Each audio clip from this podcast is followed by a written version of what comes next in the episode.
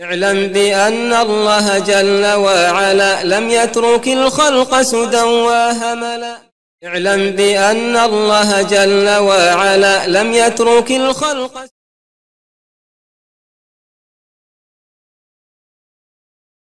بسم الله الحمد لله الصلاة والسلام على رسول الله استعين بالله لا حول ولا قوة إلا بالله اللهم لا سهل إلا ما جعلته سهلا وأنت تجعل الحزن إذا شئت سهلا اللهم أرنا الحق حقا وارزقنا اتباعه وأرنا الباطل باطلا وارزقنا اجتنابه ولا تجعل الحق ملتبسا علينا فنضل اللهم آت نفوسنا تقواها وزكها أنت خير من زكاها أنت وليها ومولاها برحمتك يا أرحم الراحمين. ربنا لا تزغ قلوبنا بعد إذ هديتنا وهب لنا من لدنك رحمة إنك أنت الوهاب. اللهم يسر ولا تعسر اللهم بارك وتمن بالخير لا إله إلا الله ولا حول ولا قوة إلا بالله أما بعد sva hvala i zahvala pripadaju samo Allahu, savršenom gospodaru svih svjetova, koji savršeno gospodari svjetovima. Salavat i selam na Muhammeda, poslanika na Allahova i sve one koji nastoje da se drže puta islamskog sudnjega dana. Zatim, nakon što je šeheh spomenuo nekoliko poglavlja koji se tiču velikog širka,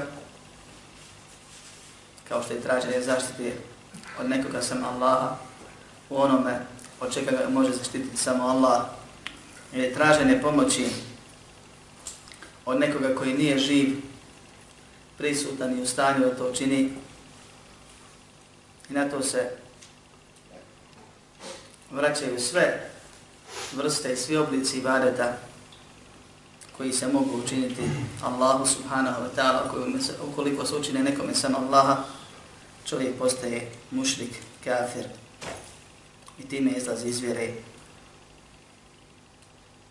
Šeh dolazi sa četiri poglavlja, a ovo je prvo od njih, koje je zajedničke čine nešto što se zove Dalailu Tevhid ili Dalailu Putlan Širk ili Berahinu Tevhid, što se na, na našem jeziku može reći kao jaki ili nepobitni dokazi protiv širka ili jaki dokazi za tevhid.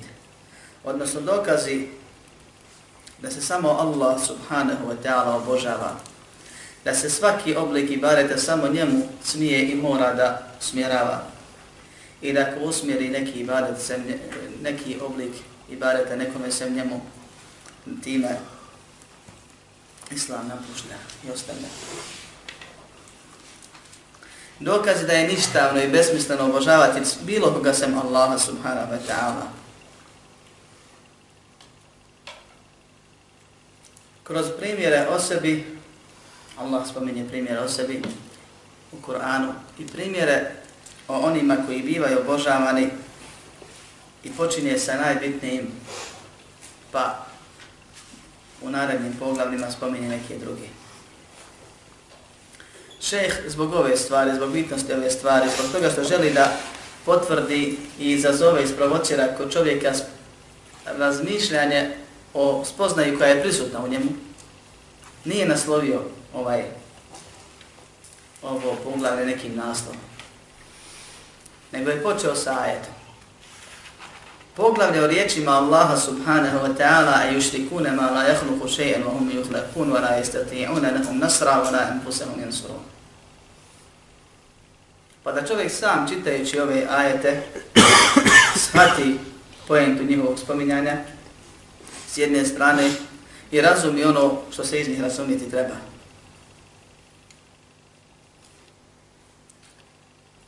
poglavlje o ništavnosti širka. Ili dokazi o ništavnosti širka. Dokazi o obaveznosti tevhida. Sve su ovo mogući nastavi za ovo poglavlje. Ne znam kako vam je tu prevodlac spomenuo. Je li ima neki naslov? Ima. Pogledaj Allah i ničma jak.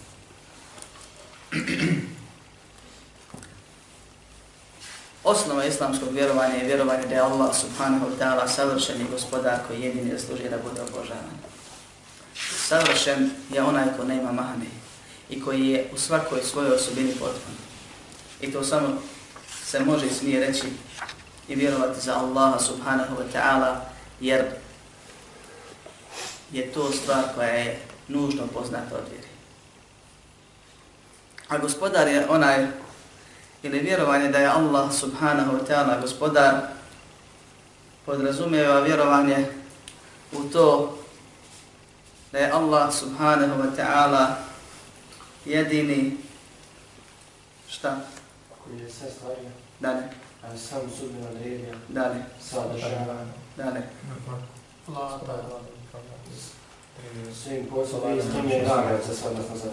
Koji zaslužuju Allah vam dao svako dobro na oba svijeta.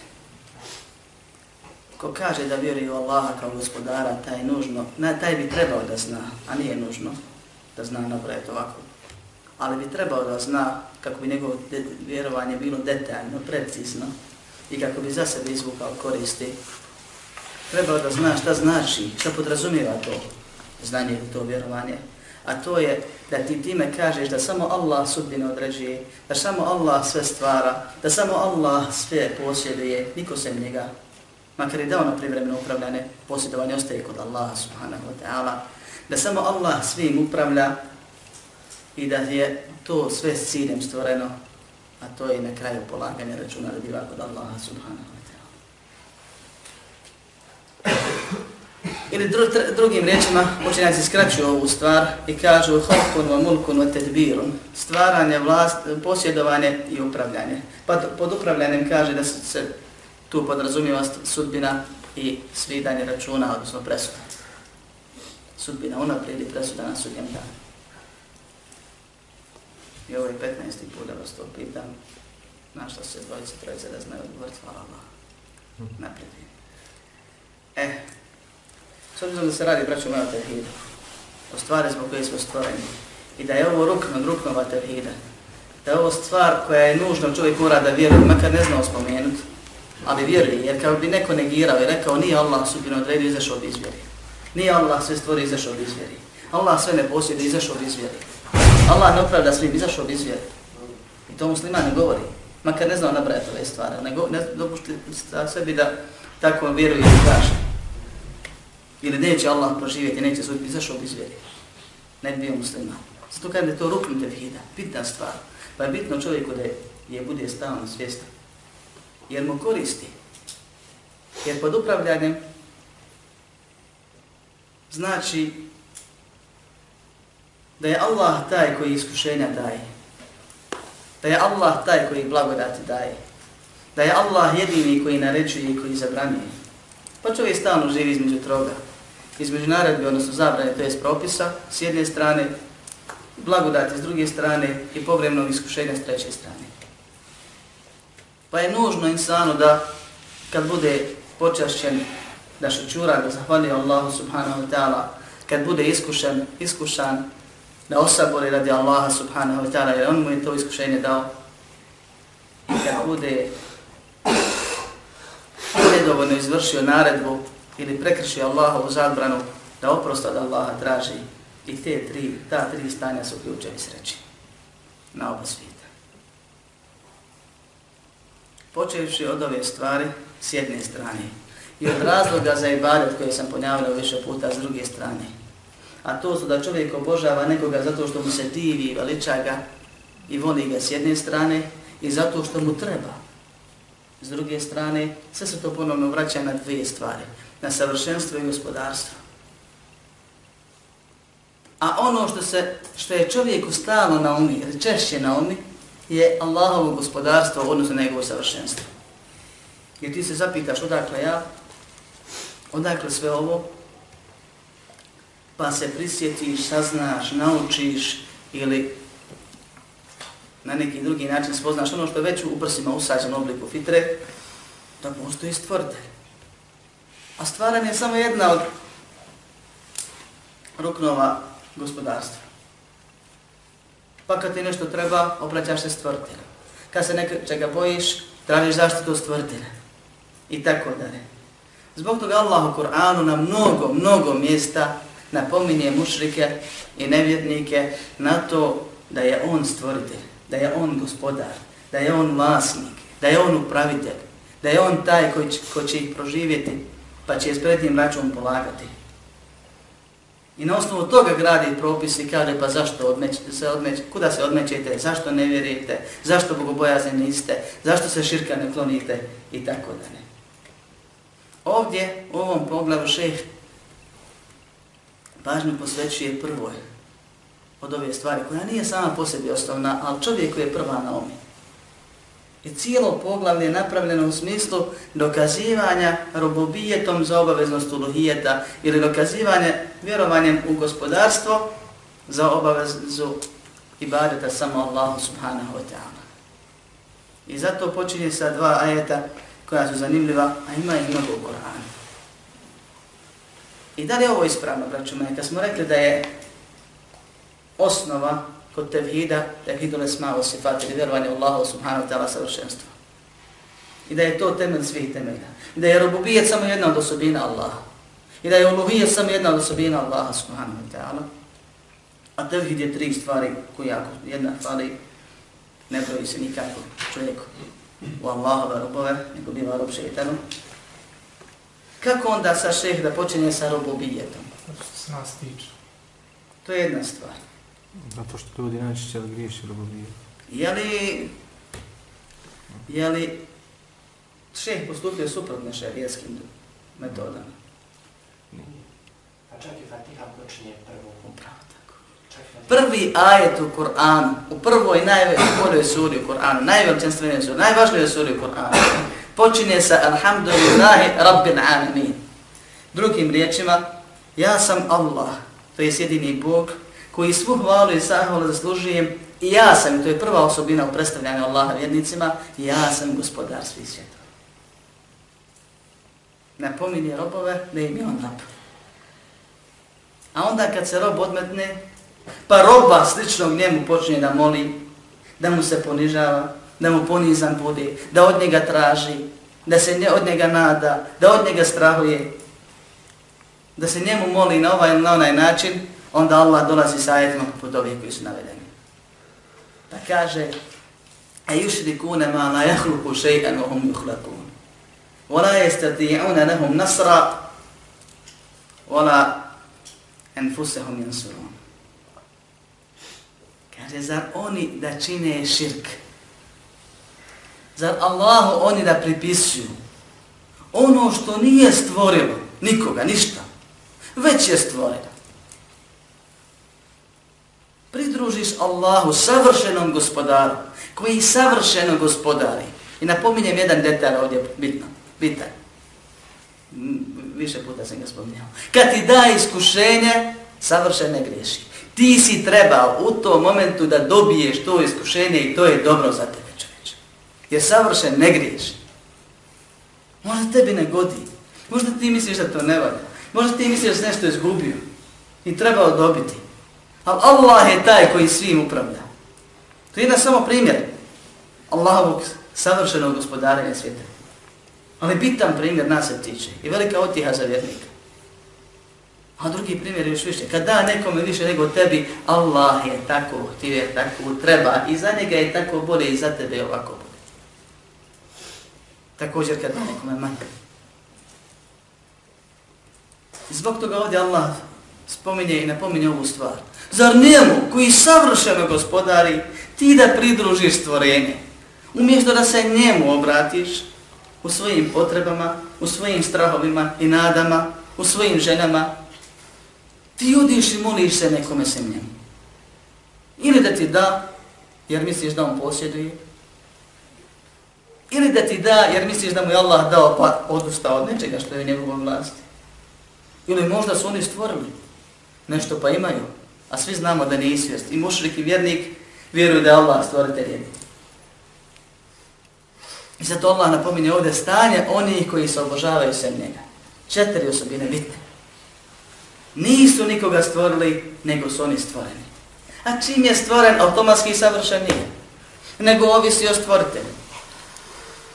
ne živi, ne daje, ne koristi, ne šteti, osim onako kako stvorite njim upravlja. I stvoren je. Nije stvorio, pa nemaš od njih šta tražiti, čim nije stvoren ne. Već je stvorenje, ovisi o stvoritelju. Nije savršen i ne može ti dati ako mu stvoritelj ne dozvoli. Pa zašto od njega tražiti? Vora jeste ti, nasra, Allah napomije drugu stvar koja je bitna i ne mogu im pomoći, kaže. I ne mogu ni sebi pomoći. I to je stanje, braćo moja, svakog stvorenja. Naučnici spominju da je sunce udaljeno na toliko udaljenosti od zemlje, da kad bi se malo približilo, sve bi spržilo, kad bi se malo udarilo, sve bi zaledlo i tako dalje primjer. Ali mi znamo s druge strane da se sunce neće ni manje približiti, niti i malo udariti.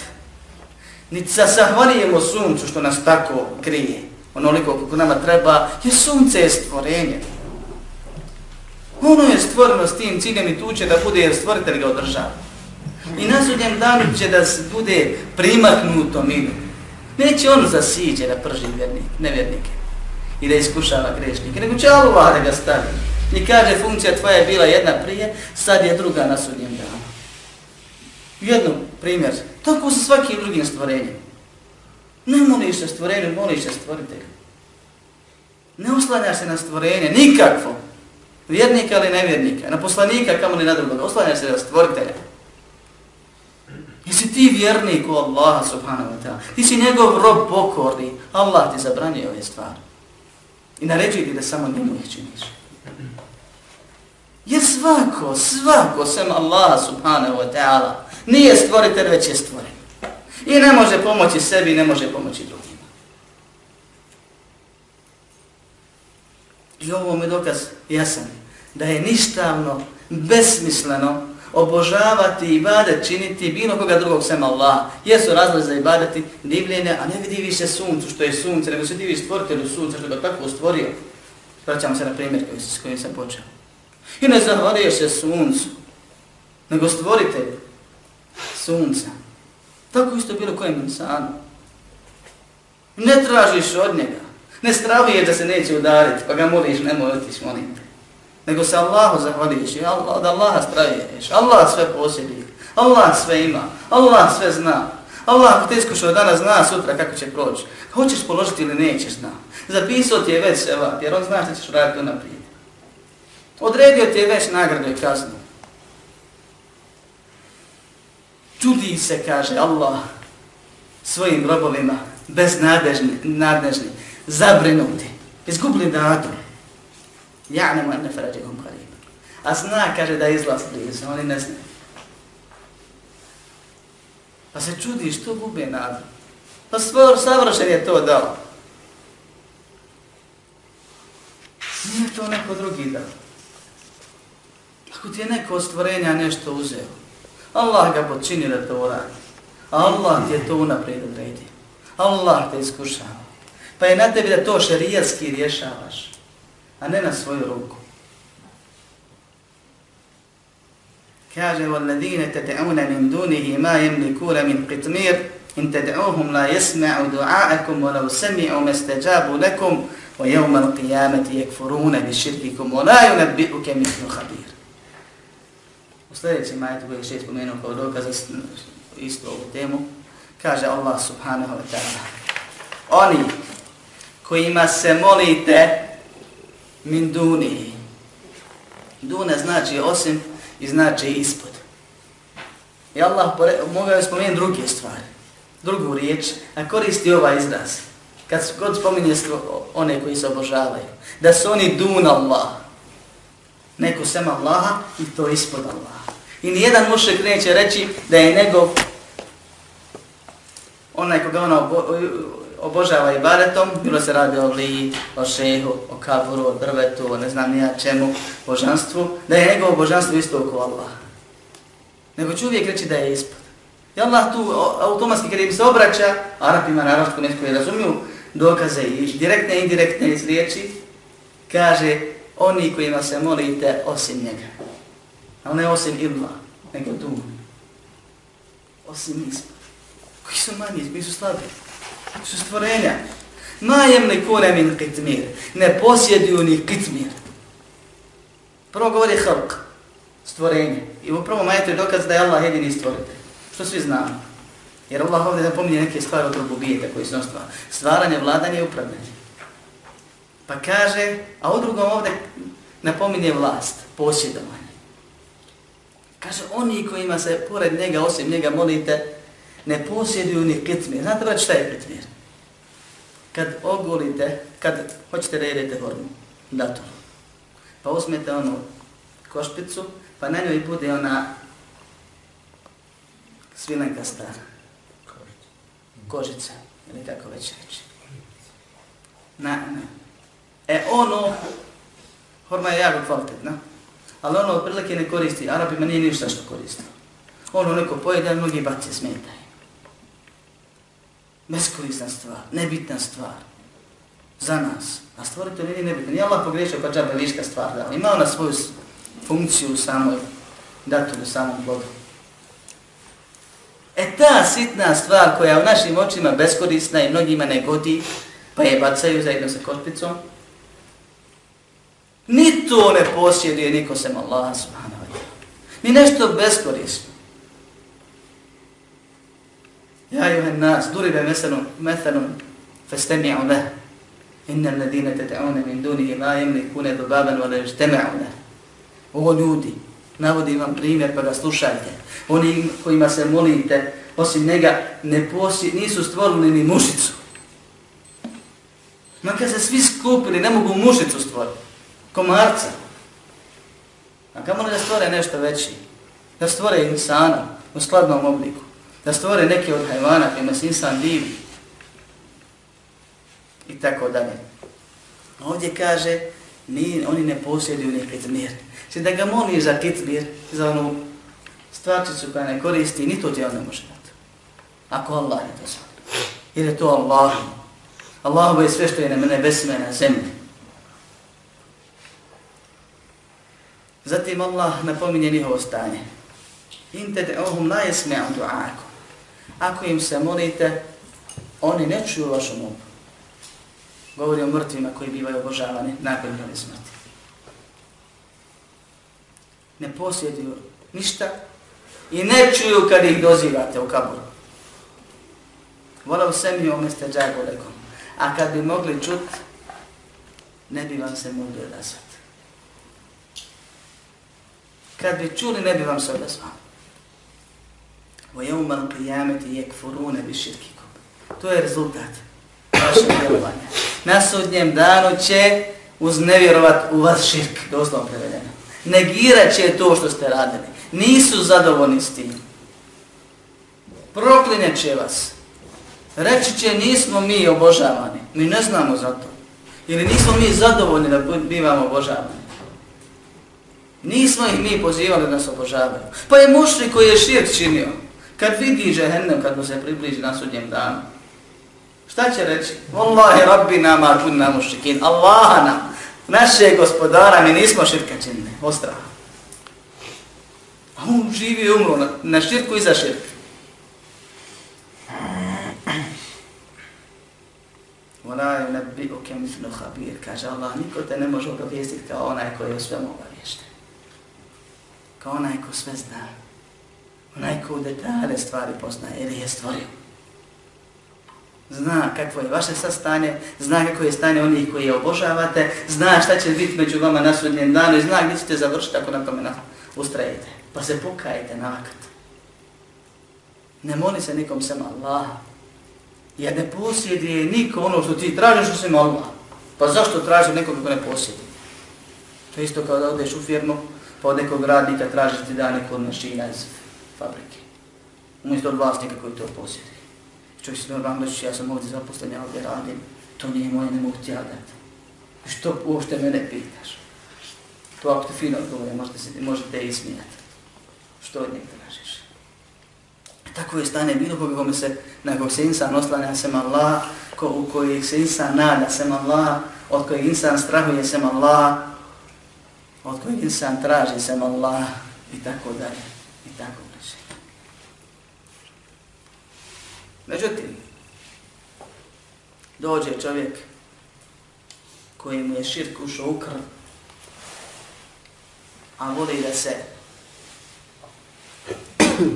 predstavlja kao dobar musliman i muslimančina, ima on dokaza, on dođe i kaže, na primjer, ko sam svojim ušima slušao, nije Muhammed Alehi Salam s tobom oce čuo, on ima ugled kod Allaha, iako Allah sve posjede, sve stvara i svim upravlja, ako Muhammed ovaj Salam od njih zatraže, on će mu njemu dati i dovoditi, i zato se mi molimo Muhammedu, sallallahu alaihi sallam, i objeđujete čovječe s dokazima, I onda počne govoriti osobine poslanike, kada ti ne znaš, ne postoji poslanike sa osam. Da kaže kako Muhammed sa sve nije ovce čuo sa nama. Znao mi to. I volimo ga onako koji je propisan. A ne ljubavlju. nakaradnom, Gdje ga dižemo iznad stepena s kojim on nije zadovoljan. I što to rezultat biva da nas proklinje, da nas se odreće na sudnjem danu. Kao što bi radi. I priznati i kaže, mi tražimo pomoć poslanika i tako ćemo raditi. Iz ovih razloga koje je spomenuo. Pa šeh navodi nekoliko dokada sa Buhari, mnogo muslimova sahiha i drugih hadisa u kojima kaže u sahihu od Enesa se spomine šuđan nebidju jevma uhudinu kusirat ruba'i deduhu فقال كيف يفلح قوم شجوا نبيهم فنزلت ليس لك من الأمر شيء وفيه عن ابن عمر رضي الله عنهما أنه سمع رسول الله صلى الله عليه وسلم يقول إذا رفع رأسه من الركوع في الركعة الأخيرة من الفجر اللهم العن فلان وفلانا بعد ما يقول سمي الله لمن حمده ربنا لك الحمد فأنزل الله ليس لك من الأمر شيء Spominje šeho ovdje grupu hadisa u kojima ili koji imaju za svrhu da spomenu povod objave i tumačene s jedne strane jednog dijela ajeta ili jednog ajeta kuranskog. Da bismo mi razumijeli suštinu tevhida s jedne strane, pravu ulogu Muhammeda sallallahu aleyhi ve sellem s druge strane i ništavnost obraćanja bilo kome sem Allah pa i Muhammedu sallallahu aleyhi ve sellem onome što ti ne može dati sem Allah. Jer je Allah Rabb Sve stvara, sve posjede, svim upravlja. I zato divljenje sluši, zbog toga veličavan bude, zbog toga se voli beskrajno i zato se moli i u strahu i nadi, ili strahu i znadi. Kaže, ranjeni poslanik sallallahu alaihi sallam na ohodu. I slomljen mu je zub, zub između prednjih i srednjih zuba ljočnjaka. slomljen, a nije iščupan. I došlo je u predajama da je poslanik sallallahu aleyhi ve sallame ranjen na uhodu i udaren i povrijeđen, udaren u rame i ranjen u rame. Rasjećena mu obrva, slomljen mu zub, rasjećena mu donja usna iznu sa unutrašnje strane i povrijeđeno koljeno. Sallallahu aleyhi ve sallame. Allahu poslanik, najbolje Allahu stvorenje. I najbolji poslanik, pečat svih poslanika i vjerovjesnika. Borio se sa najboljim ljudima na svijetu, ashabima. Protiv najgorih stvorenja, mušrika. To što je došlo u hadisu, najgori stvor, čovjek je onaj koga ubije poslanik u borbi. A ovi su krenuli da ubiju poslanika, ili da budu ubijeni poslanika. I šta se dešava? Da je svemoćan i da ima nekakav ugled i da ima neko znanje gajba, kao što neki kažu, poslanik ima trlista znanja, pa jedno od toga znanja o gajbu, ne odlubila, onda bi mogao da predvidi te stvari pa da ih izbjegne. To je prva stvar. Da je imao nekog upletanja u odredbu, također bi mogao da to promijeni. Da ima takav ugled kao što zamišljaju mušice među muslimama kod Allaha, da bi Allah ga izložio takvim iskušenjima da umalo bude ubijen, da ne smije reći da je živ. A znamo sve slučaje koje je bilo. Kad su pozivali imali Muhammeda, rekao je šutite, ne rekao Imali Ebu Bekra, šutite. Imali Omer, šutite.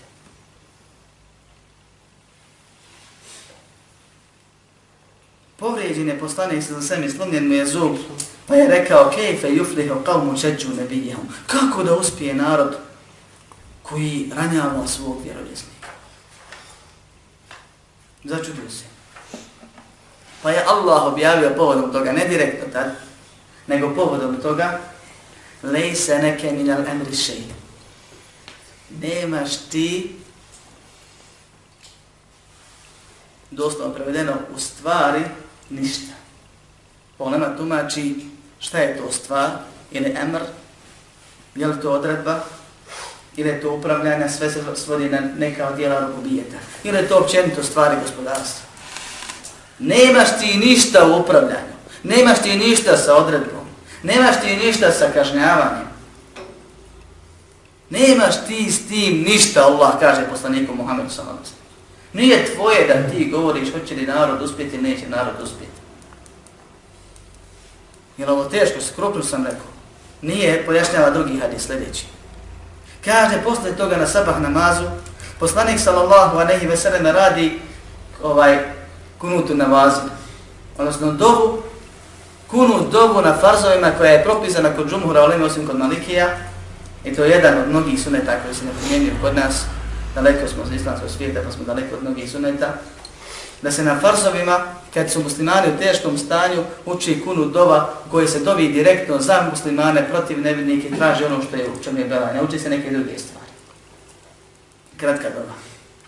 Pa je poslanik sa vasenom nakon drugog rekiata, sabah namaza, kad kaže se mi Allahu nimen hamide, Rabbena velikel hamd, onda bi učio Allahumma na'an funanen wa funana, ko što stoji u ovom rivajetu. Allahu moj, neko je tvoje proklestvo na tog i tog.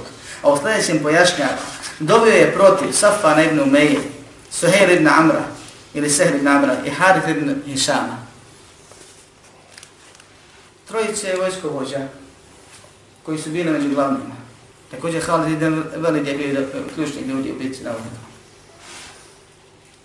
Poslanio sam imenom i presimom dobi protiv njih.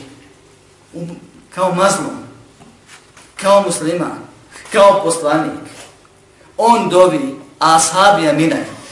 Ima li braćo sumnje u, u, u to da se Allah odazva tako da? Logično, po sebe bila nema. Allah objavljuje nakon toga da se neke mina ne mršeji. Nemaš ti s tim ništa. Evo je tu ba anehim imu ju'adzibahum. Da li će Allah njima primiti pokajanje ili će ih kazniti? Fa idam, fađam, one su svakako mušice zulumčari, ali ima još života pred njima. Nimaš ti s tim ništa. U hadisu je dokaz da je dozvoljeno dobiti protiv i proklet nevjernike, općenito i pojedinačno, pogotovo kome je zovom učinjen. Ali da moraš znati da ti doviš i da je dova sebe, pa da je Allah gospoda, radi šta hoće, s kim hoće, kako hoće. Poslaniku dovu nije primio, nego i ove ashabe, braćo moja, uputio sve trojicu. I u vojskovođama Islama ih učinio. I izmetili su Islamu dugo, i borili se za islam i koristili puno. A poslanik protiv njih dovio proklestvo, što podrazumijeva da budu udarani do lahve milosti, što znači da ne budu nikad upućeni, nego budu u džehennemu po zastusi kažnjeni. Allah spušta ajete povodom tih svog, svakog tog slučaja, kad je rekao kako da uspije ovaj narod, pa zatim dovio protiv pojedinaca iz tog naroda, koji su stvarno vjeri, ali njemu lično kao poslaniku, ne kao čovjeku. Pa zatim njemu kao čovjeku veliki su nam učinili, pokušali ga ubiti, ranili ga, povukli se kad su mislili da je ubije. I da je rekao da je tu nastavili bi još. Allah mu ne prima da Jer Allah radi šta hoće i kako hoće, upućuje koga hoće, u zablodu ili koga hoće. Makar poslanik dobije.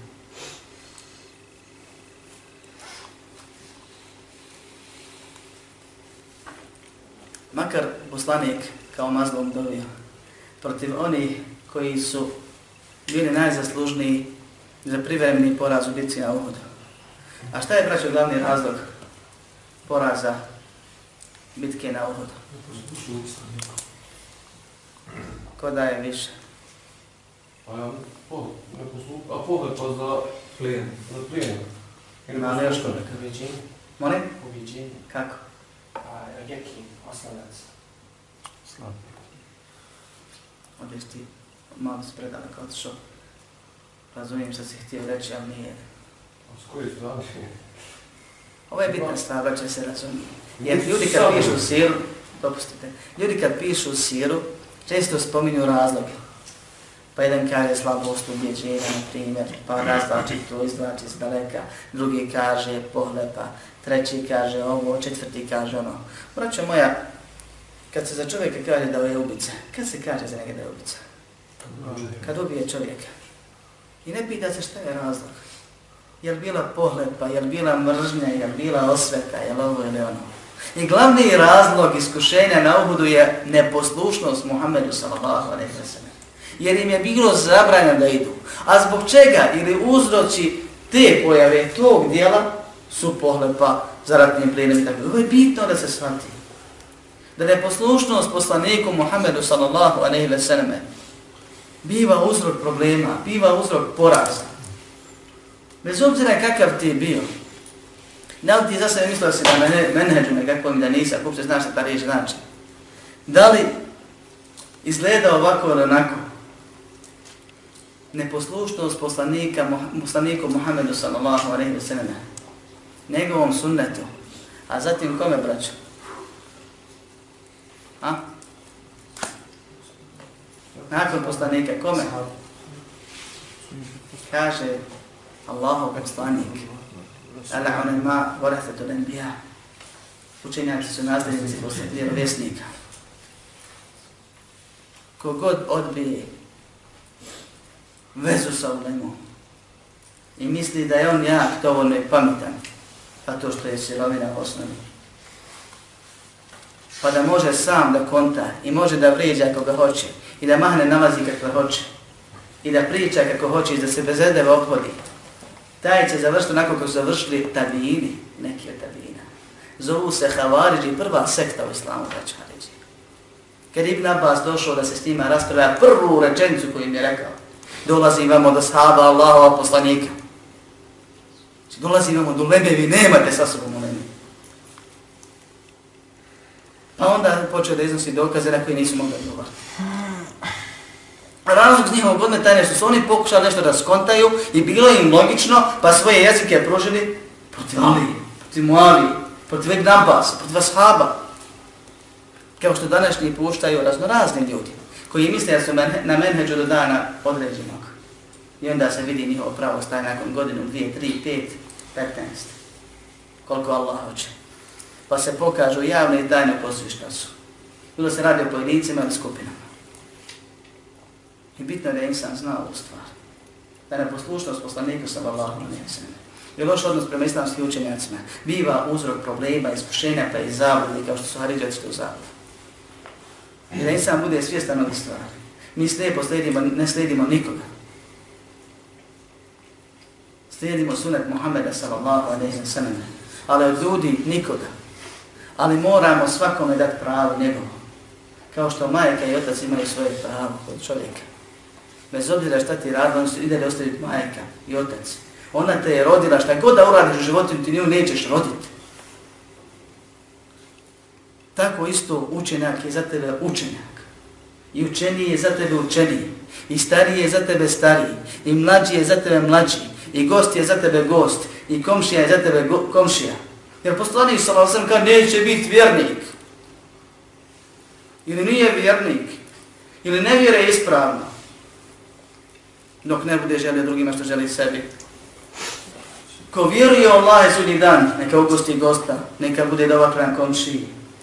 Dobročinstvo prema roditeljima. Nije od nas ko nije milosti prema našim mlađim i ko ne poštuje naše starije, stare. Tako dalje tako dalje. To pravo ostaje. Bez obzira šta si ti postigao i ko si bio i šta si, i šta si sebi umislio da si. Što je najgore. Svemu tome ali stranicu proučiti ne znamo bez greške. Allahu se u namazu obraćamo, ne znamo šta mu govorimo. Jezik strani, arapski, ne znamo, engleski, prvljamo mnogi od nas. I dižemo se na taj stepen da pametujemo. I da sebi kabur kopamo još na dunjalu u vjerskom smislu. To će vakar kad će se ove stvari vidjeti praktično u smislu. Kao što je došao već nekima, makar pa im gledamo gdje su došli, na što su spali. Molim Allah da meni i vas od bilo kojeg oblika zabude, jasne i nejasne fitne. U sljedećem hadisu kaže od Ebu Hureyre se prenosi da je poslanik sallallahu alaihi wa sallam ustao onda kada mu je objavljen ajet wa endira šiletike l'akrabin opomini svoju bližu rodbinu. Pa se popeo na brdo na safu, čini mi se, i kaže, ja mašere Kurejši, evo kenim ten nahva. Pozvao Kuriš, pozvao svoju najbližu rodbinu. Prvo po plemenu, onda imenom i prezmenom. Prvo kad ih je sve pozvao, rekao im je, la ugni ankum min Allahi šeja. Ko vjeruje u poslanika, muslimani, voli poslanika, poštije poslanika, vjeruje da poslanik ima pravo kod Allaha nekakvo specijalno koje sam sebi nije dao, koje Allah nije dao. Taj bi prije toga vjerovao, trebao da vjeruje, da poslanik ne laže. Da poslanik kad kaže ne laže, nego kad kaže pravo istinu to kaže. Ovo su riječi Muhammeda a.s. A prije toga riječi Allaha u Kur'anu. Kul la emliku li nefsi nef'an wa la darba. Illa maša Allah. Reci ja ne posjed, ne mogu sebi doprinijeti ni korist ni štetu. Osim što Allah hoće, ne mogu sebi ništa doprinijeti. Walau kuntu a'lamu al-ghayba lastakthartu min al-khayri wa ma massani as-su. To Allah Muhammed sallallahu alejhi govori. Kad bih ja poznavao gajb, puno bi dobra sebi prikupio. I nikad da nikakvo zlo ne bi zadeslo. Jer bi ga izbjegao naprijed. Allah naređuje Muhammed sallallahu kaže ne znam gajb. Kad bi znao drugačije bi bilo, ne bi ovako živio. Ne bi bio od najiskušavanijih Allahovi robova. I poslanik se sam sakuplja Koreše i kaže La ogne ankom min Allahi še'a Ja vam kod Allaha ništa ne mogu doprinijeti. Ne mogu vam ništa pomoć kod Allaha. Opet dođe čovjek i kaže Ako se poslanik obratiš, a on Allaha zamoli, Allah će zbog njega tebi se smolati. Ne uzu Ko ovdje ti je laži? A drugim riječima ne možemo govoriti. Muhammed a.s ili onaj ko širke u islam pokušava da protori to sastavni dio islama. Da nas Allah sačuva sa Kaže, išteru enfusekom, otkupite sami sebe, čime pokornošći Allah, tevhidom, ibadetom, Allah subhanahu wa ta'ala. La udnjanku min Allahi še, ja vam kod Allah ništa mogu pomoći, ne mogu pomoći. Nakon toga spomine najbliže, ja Abbas, oni koji su islam kasnije primili. Abbas radijallahu anhu. Amidžu, la ugni anke min Allahi čeja. Bez obira što sam ja Amidža. Amidža je poput oca. A poslan sam nema oca. Ti si mi ko babo, ja ti kod Allaha ne mogu pomoći ništa drugim rečima. Ja Safije te ammete Rasulullah. O Safija. Tetko poslanika. Ja ti ne mogu kod Allaha ništa Ja Fatima te binti minte Muhammedin O Fatima, čerko Muhammedova. Najbliži rob. Poslanik je ustajao Fatimi kad uđe kod njega. Toliko je volio. Kaže joj, ja ti koristit kod Allaha ništa. Salini mi mali mašiti. Pitaj mu dimetka šta hoće, sve ću ti La ugni anki min Allahi šega. Ja ti kod Allaha ništa ne mogu pomoći. I time šeh završava ovo poglede. Koje je jasno kao sunce upobjela dan onome kome Allah da da razmišlja, da potrebi ono što mi je dao pa vrati razum. Da Allah jedini sve stvara, svim upravlja, sve posjeduje, da je ključ i put do Allaha i ključ do dženeta, pokornost Allahu, obraćanje Allahu, tevhidu Allaha, da je usmjeravan i bajte nekom pred Allah, makar bio Muhammed sallallahu sallam, širk s kojim Allah nije zadovoljan. I da je to besmisleno. Jer aposlanik ta isti kaže, ja vam kod Allaha ne mogu pomoći ništa. I ostane pitanje šta je sa šefatom, pa ima uskoro ako voda dolazi ćete ovo poglavlje na tu temu. Da se pojasni i kasno. Molim Allah subhanahu wa ta'ala da oprosti meni vama. Da nas uputi i čvrsti na pravom putu. da nas usmrti na istini, da nas proživi sa onima koji su na istini, da nas uvede u dženet i čuvan džahennema i džahennemskih kazni, da pomogne islam muslimana na svakom mjestu da oprosti muslimana i muslimankama. Amin. Walhamdulillahi rabbil. اعلم بأن الله جل وعلا لم يترك الخلق سدى وهملا اعلم بأن الله جل وعلا لم يترك الخلق